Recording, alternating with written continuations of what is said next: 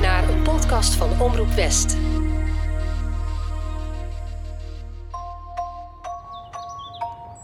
Ze was de stille burgemeester van Haastrecht. Eigenzinnig, soms verbitterd, maar ook een weldoener voor het dorp. Paulina Bisdom van Vliet. Wat liet zij Haastrecht na? Op het dorp gaan de wildste verhalen rond. Bij haar testament lag een geheimzinnig pakketje met brieven dat 100 jaar na haar dood geopend mag worden. En die dag komt steeds dichterbij. In deze podcastserie ga ik, journalist Liewe van Sloten, op zoek naar de erfenis van Paulina Bisdom van Vliet. Dit is Het Geheim van Haastrecht. Dus dan zie je vanaf de provinciale weg mooi de, de kleine Concordia en de grote Concordia. En de plannen zijn eigenlijk allemaal al gesmeden, dus het is, uh, het hoeft enkel nog maar opengemaakt te worden, het testament, en dan uh, kunnen we aan de gang. Is dit serieus, Rob? Nou, die pacht werd, werd dus per, per half jaar afgerekend aan, aan de familie Bisdom. Er was, was natuurlijk geen, uh, geen giro of, of tikkies of wat dan ook. Wel even uitkijken, goed opletten alles wat er uit de lucht komt. Want Ja. Rob kende deze die flink enthousiast. Is Rob er nou? Ja, die is zelf ook aan het zagen.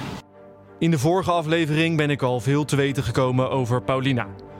Over haar persoonlijkheid, haar eigenzinnigheid en haar unieke karakter.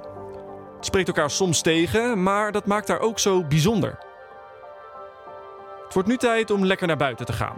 Ik ga op zoek naar fysieke sporen van haar in Haastrecht.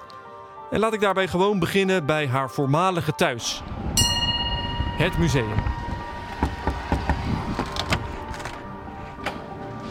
Goedemiddag. Goedemiddag, hartelijk welkom in het Museum Paulina Bisdom van Vliet.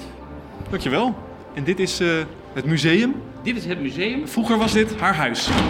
Vroeger was dit het woonhuis van Paulina Bisdom van Vliet. En uh, nou ja, ze is al een tijdje geleden overleden. Precies, die zijn bijna 100 jaar.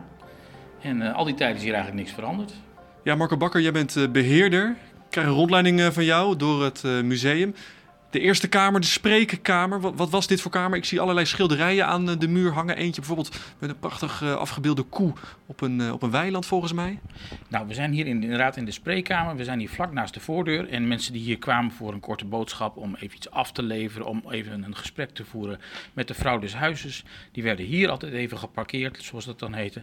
En dan, uh, nou, dan kon je even genieten van al het moois wat, wat de vrouw des huizes hier allemaal aan de muur had hangen. Ja. Grappig, want tegenwoordig als je moet wachten, dan ga je op je telefoon kijken. Maar ja. vroeger dan kreeg je dus schilderijen voorgeschoten om je tijd mee te voldoen. En dat was natuurlijk ook wel een beetje bedoeld om een beetje te laten zien wat van, van welke goede komaf de familie wel niet was. Dus het had, had ook, ook die bij bedoel ik natuurlijk wel. Lopen we door de deur naar uh, de volgende kamer. Dit is een veel grotere kamer. Ik zie hier uh, ja, van alles uh, wat springt uit het oog. Toch wel het uh, portret van Paulina zelf. Die hangt hier aan de muur. Aan de andere kant hangt een portret uh, van, uh, dat was haar man denk ik dan hè? Ja, dat was haar man. Dat was uh, Johan Jacob Lefebvre de Montilly. Zo werd zij zelf ook genoemd. Lefebvre de Montilly, de weduwe Lefebvre de Montilly. Maar goed, ze heeft zelf besloten dat haar huis in haar museum Bisdom van Vliet moest heten.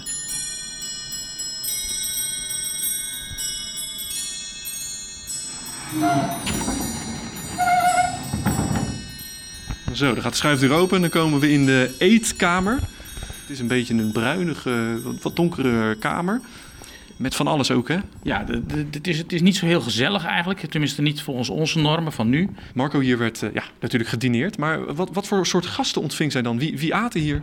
Nou, dat waren meestal mensen uit haar eigen stand. Dus uh, vrienden, kennissen. Ze had een uh, zwager en de, de, de, broer van haar man... die, die ze goed kende en waar ze goed mee omging.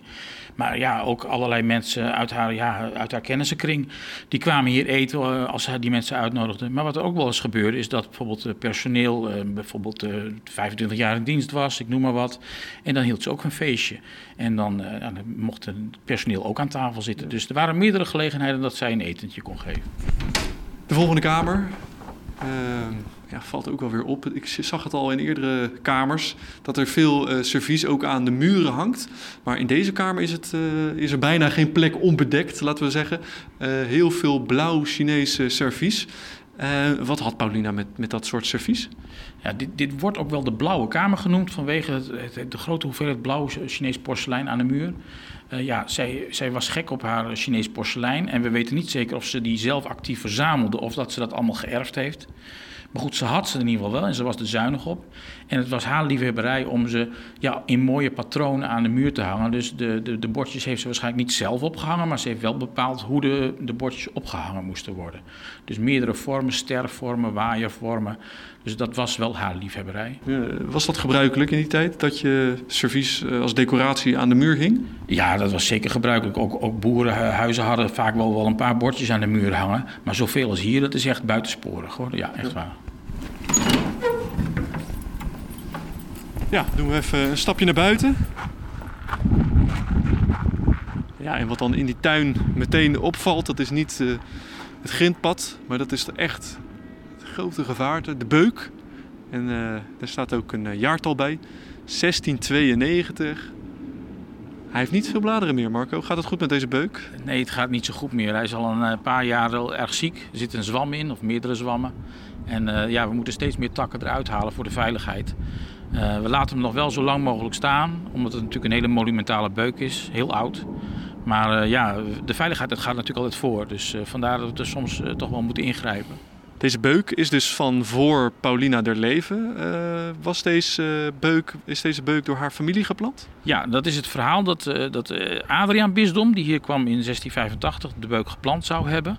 Maar goed, als we echt de bronnen goed gaan bestuderen, kan dat bijna niet, omdat hij waarschijnlijk toch ergens anders woonde. Maar goed, dan, dan ga je heel diep in de bronnen. Het zou best kunnen dat die boom eigenlijk van 1724 is. Maar goed, Waarom staat er dan 1692? nou ja, omdat dat een, een mooi verhaal is wat nog steeds de meeste mensen geloven en daaraan vasthouden. En ja, ik heb ook geen hard bewijs om dat tegen te spreken. Dus eh, het is een mooi verhaal in ieder geval. Ja.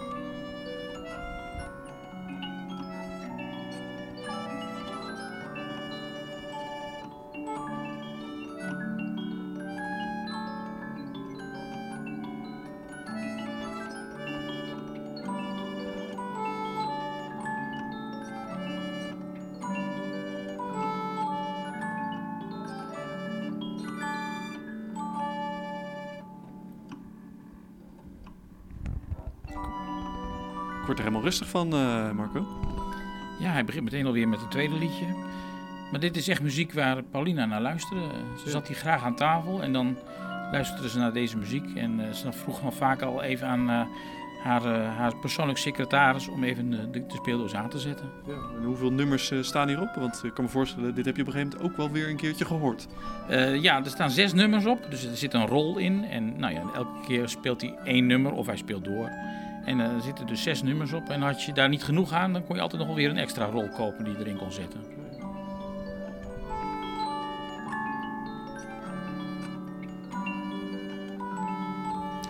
Dit is haar, eh, haar werkkamer. Marco, waar is dan haar bureau? Want ik zie in het midden een soort ronde tafel. Dat lijkt me niet echt lekker werken. Nee, we hebben hier meerdere tafels staan. In het midden staat inderdaad een ronde tafel. Dan hebben we in de hoek het bureau van Johan staan. Dat is een mooi cilinderbureau. Dat kon je zo mooi openrollen. En hier achter ons, hier staat dan het, eh, ja, het bureautje van Paulina. Dat kun je... Ja, die bureautje inderdaad is echt heel klein. Ja, dit, eh, dit hoorde bij een dame zoals Paulina was. En dat kon je dan openklappen. En hier kon ze dan eh, ja, haar correspondentie doen en zo. Dus eh, dit was wel een mooi, mooi bureautje voor haar. Ja, hier schreef zij brief, maar hier werkte ze ongetwijfeld ook aan haar testament, denk ik. Ja, sowieso aan haar testament, wat uiteindelijk natuurlijk uitgevoerd is. Maar ze heeft natuurlijk ook een pakket achtergelaten. En dat is niet echt een testament, hoewel het wel vaak zo wordt genoemd. Ze heeft een pakket achtergelaten waarop ze heeft geschreven: mag niet geopend worden voordat er 100 jaar na mijn sterfdag zijn verlopen. En dat is een pakket wat we veiligheidshalve maar even in de bankkluis gelegd hebben. En eh, dat mag dit jaar geopend worden. Ik heb hier trouwens ook nog een, een laadje waar ik een soort gelijk iets kan laten zien. Ook een document waar een opdracht op staat, wat een beetje lijkt op het pakket. Dan lopen we even hierheen. Oké. En dat eh, had niet het eh, voorschrift openen pas na 100 jaar na mijn dood? Nee, ik zal even laten zien wat, wat te zien is. Kijk. Hier eh, ligt dan nog een, eh, een, een brief in de lade. En dat, eh, dat is met hetzelfde handschrift geschreven, want het is Paulina's handschrift. Ja. Onleesbaar. Eh, voor, voor mij gelukkig niet. Ik zal het even voorlezen. Hier staat: Ik verzoek na mijn dood alles in deze laden te laten zoals ik het erin lag. Dus Alles moet erin blijven liggen zoals zij het erin heeft gelegd. Ja.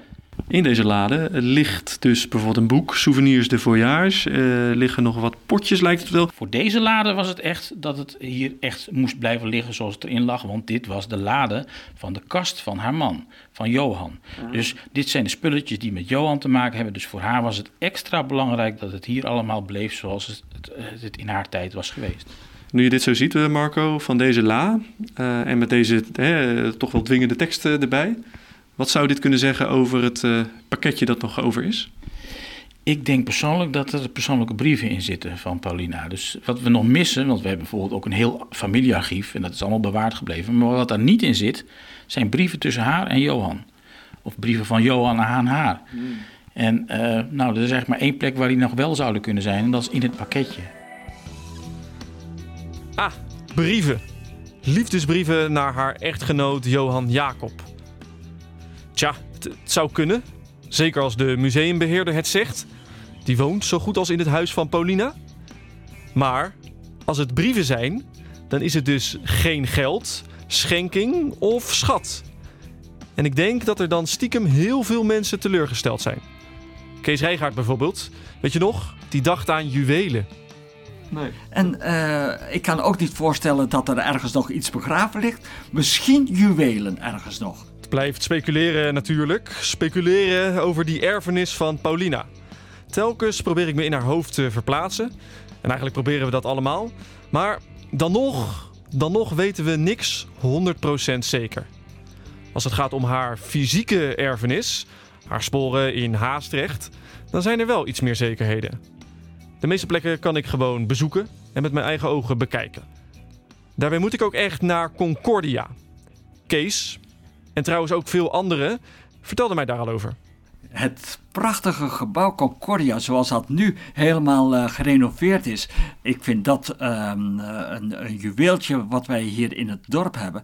En een pareltje van het dorp, zo noem ik het. We hebben diverse parels, maar dat is wel de grootste parel die we hebben. En dat hebben we toch wel gekregen dankzij eh, Paulina Besom van Vliet. Ik sta op wat nu de parkeerplaats is. Voor me zie je Concordia. Herkenbaar aan de bruine bakstenen. Sommige bakstenen zijn wat roder. Het is een groot rechthoekig gebouw met in het middengedeelte een soort serre waar eh, tafeltjes staan met eh, stoelen daaromheen. En eh, binnen kom je gelijk eerst het café in.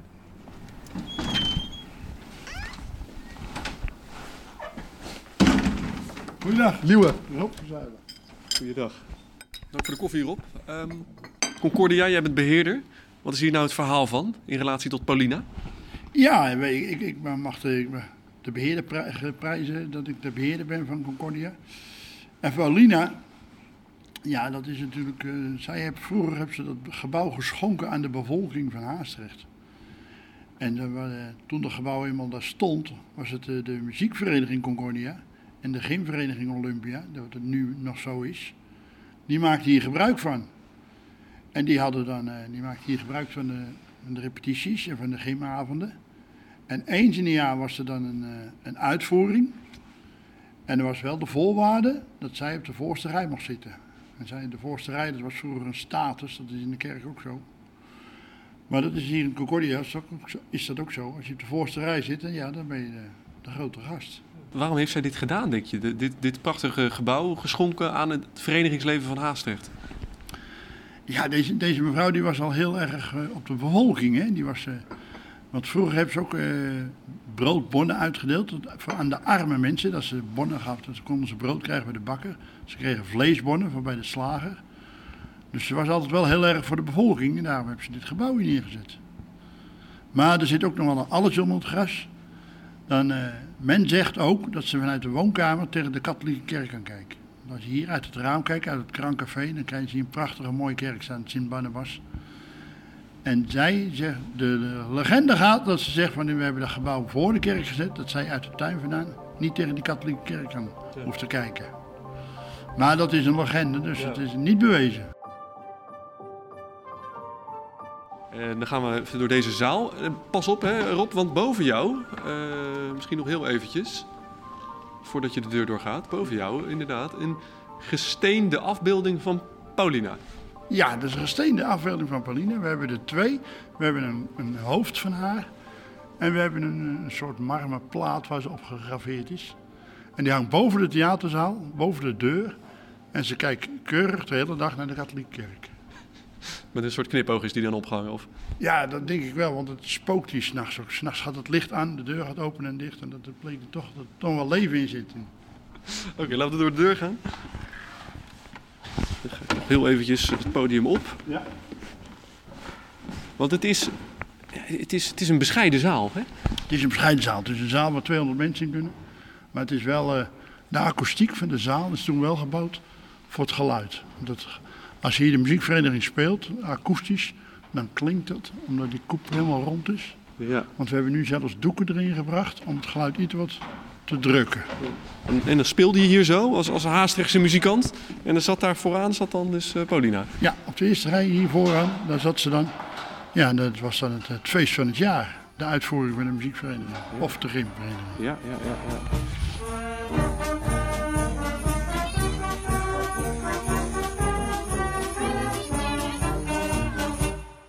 Ja, Rob, ehm, iedereen heeft het erover, hè? Het pakketje dat binnenkort eh, onthuld eh, mag worden. Waar hoop jij eigenlijk op namens Concordia? Ja, ik heb, eh, ik heb al een beetje vertrouwen in wat er gaat gebeuren. Ik heb er zelfs vertrouwen in. Ja, want ze, ze was zo met de bevolking bezig vroeger. Ze, ze deelde die broodbon uit, die vleesbon uit.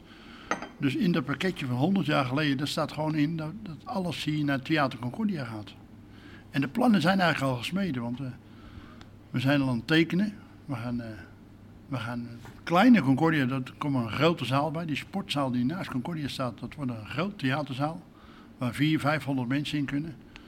De nieuwe sporthal komen- gaan we bouwen bij de voetbal. Daar komt een hele mooie nieuwe sporthal voor de sporters. De dokters hier op het Concordiaplein, die gaan weg voor meer parkeerruimte. Die komen in de oude brandweergarage. De oude brandweergarage staat tegenover Concordia. Die gaan we ook plat schuiven. Daar komen de nieuwe dokterspraktijk en de visio komt daarin. Dus dan zie je vanaf de provinciale weg mooi de, de kleine Concordia en de grote Concordia.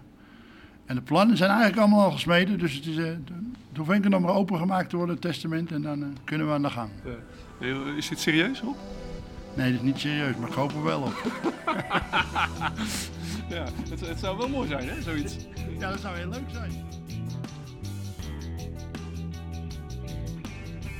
Tegenover het huis van Paulina ligt haar tuin. De overtuin. Het is een grote oppervlakte dat begint met een open gedeelte, tuingedeelte. Vervolgens wordt het meer een parkgedeelte en daarachter ligt dan het bos. Je moet wel een van de toegangswegen van Haastrecht oversteken en daarna door een hek.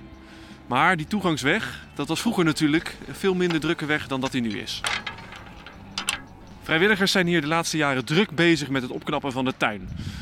Waaronder deze brug waar ik nu op sta. Houten brug, laag, met vier paaltjes aan beide kanten en smeedijzeren kettingen. Helemaal teruggebracht in de oude staten van toen. Bart Krauwers is een van die vrijwilligers, voorzitter van de stichting Overtuin. Hoe hebben jullie dit gedaan, deze brug zo teruggebracht in die oude staat? Nou, we hebben gekeken naar foto's, tekeningen van eh 100 jaar geleden. Hè? Want ons idee is, moeten we allemaal worden zoals het was in 1923. En daar vonden wij eh, foto's waarin heel trots en pront Pauline eh Bissen van Vliet hier staat op deze brug. Dus we wisten precies, zo ziet hij eruit. Op andere foto's en tekeningen hebben we gezien welke materialen, wat is smeedijzer, wat is hout. En zo hebben we hem helemaal één op één kunnen kopiëren. Ja, en dit is één van de drie bruggen. Hè? Er staan, ik zie nog twee bruggen in, de- in de verte richting meer het eh, bosgedeelte van, het, van de tuin. Die hebben jullie ook opgeknapt. Precies, die hebben we ook helemaal gerestaureerd en gereconstrueerd. Ook op basis van tekeningen en foto's. Die tweede brug is ook een bijna kopie. Die derde is, ja, daar hadden we alleen maar vage, onscherpe foto's van en tekeningen. Maar het komt heel dicht in de buurt. Maar het belangrijkste is dat je eigenlijk met die bruggen, behalve dus met de bomen en het gras en de planten, ook met die bruggen vooral de sfeer oproept van 100 jaar geleden. De sfeer van Pauline van Vliet. Vertel het allemaal, eh, meneer de huisbaas. Of eh, Huisbaas. huisbaas. Ja, huisbaas is het niet. Gerrit. We hebben een flinke klus in elk geval. Oh. Oh ja? Rob is een aantal is een, eh, een S aan het eh, weghalen. Ja? Met de hulp. Dan er nog twee van ons aan.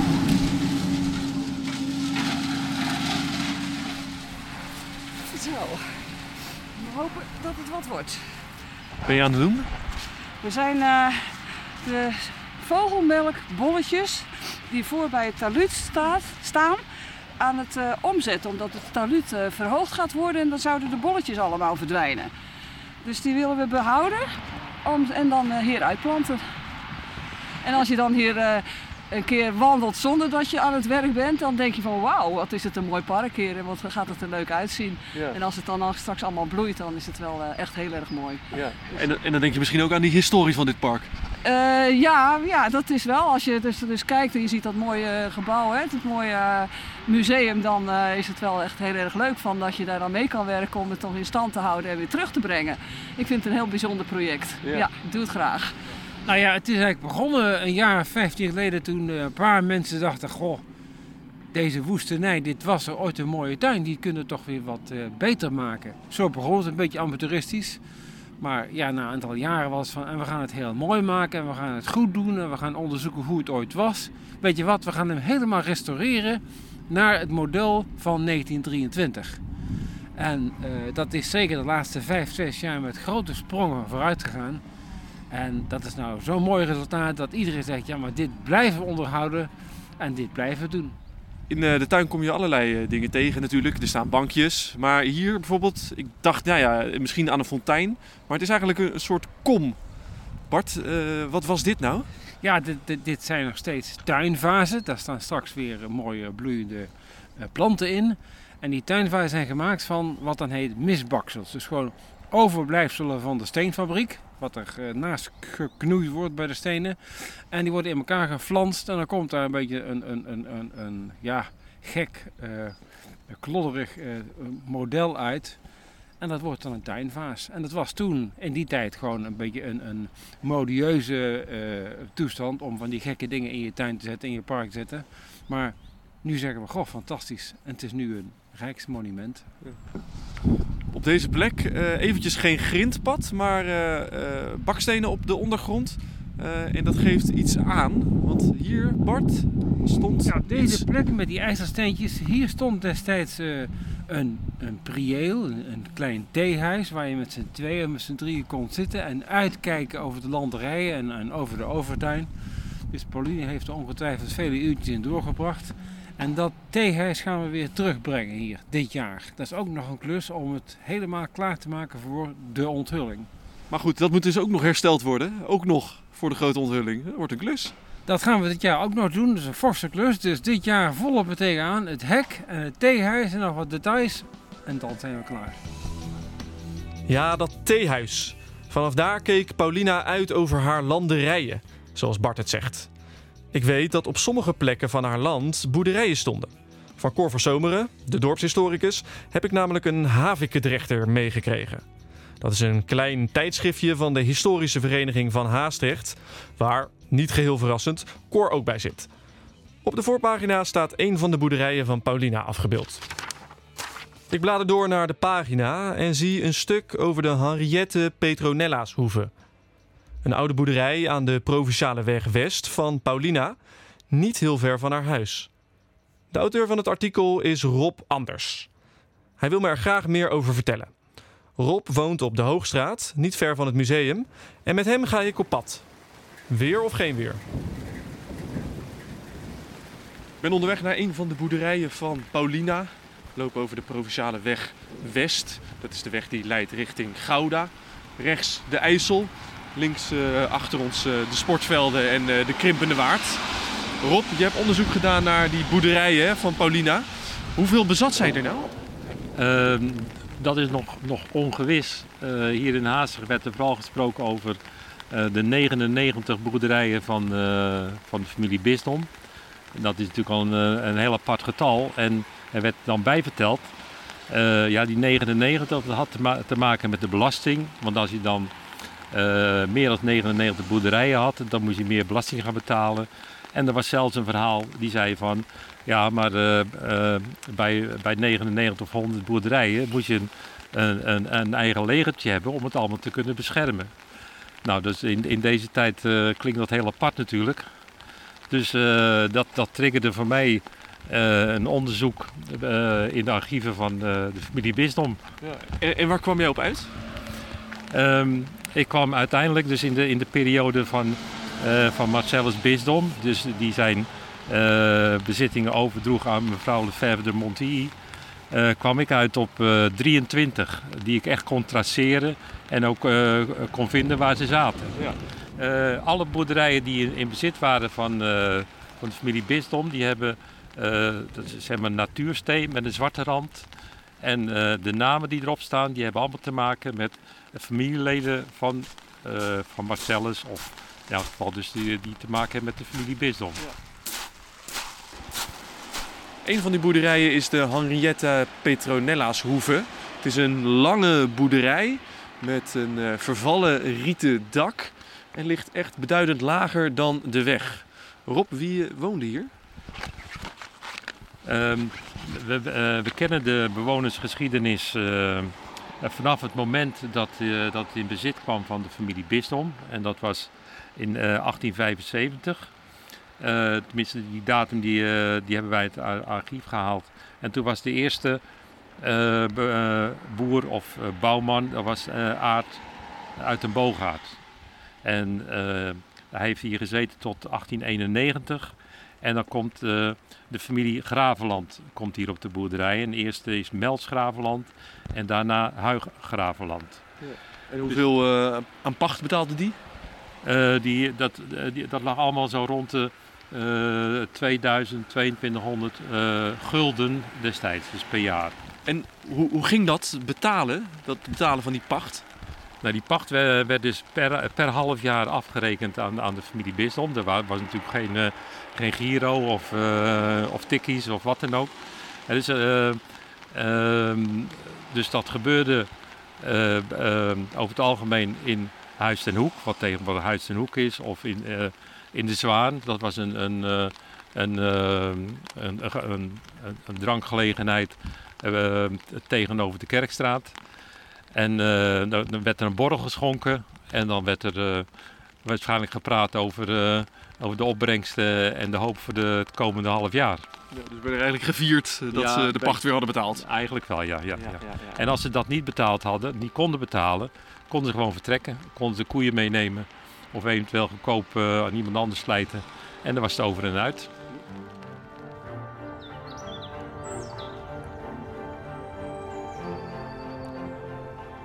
Ja, eigenlijk is de erfenis van Paulina aan Haastrecht al gigantisch. Als je alleen al kijkt naar haar sporen op het dorp. Het museum met zoveel van haar bezittingen. Concordia, dat er anders nooit had gestaan. Of de overtuin, die de vrijwilligers zo trots en vastberaden aan het opknappen zijn. Iedereen die ik spreek is het er wel over eens. Paulina Bisdom van Vliet heeft Haastrecht al heel wat moois nagelaten. Haar laatste wil, dat geheimzinnige pakketje, wat zou dat dan voor het dorp betekenen? Rob van Zuilen van Concordia hoopt dat ze er een heel nieuw cultuurgebouw mee kunnen neerzetten. Tja, wie weet is daar genoeg geld voor. Maar hoe kwam zij aan haar geld? Want zoveel kostbare bezittingen, een heel cultuurgebouw en die prachtige tuin, dat kwam natuurlijk niet uit de lucht vallen. Tuurlijk, ze kreeg jaarlijks wat geld binnen via de pacht van haar boerderijen. Maar waar kwam de rest, het andere grote deel van haar geld, vandaan? En hoe is dat verdiend? Oud geld is niet direct schoon geld. We hopen met z'n allen stiekem op een grote pot met geld als erfenis van Paulina. Maar wat was de herkomst van haar vermogen? In de volgende aflevering ga ik daarnaar op zoek.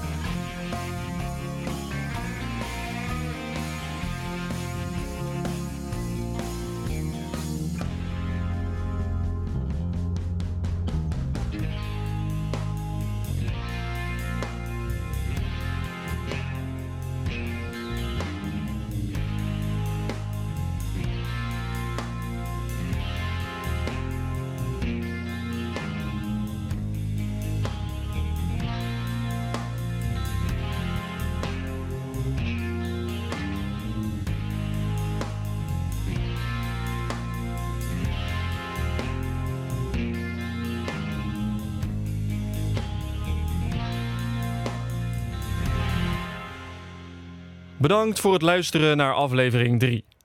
Vond je dit een leuke aflevering? Laat dan een review achter, geef een rating en deel hem met vrienden. Dit was een podcast van Omroep West.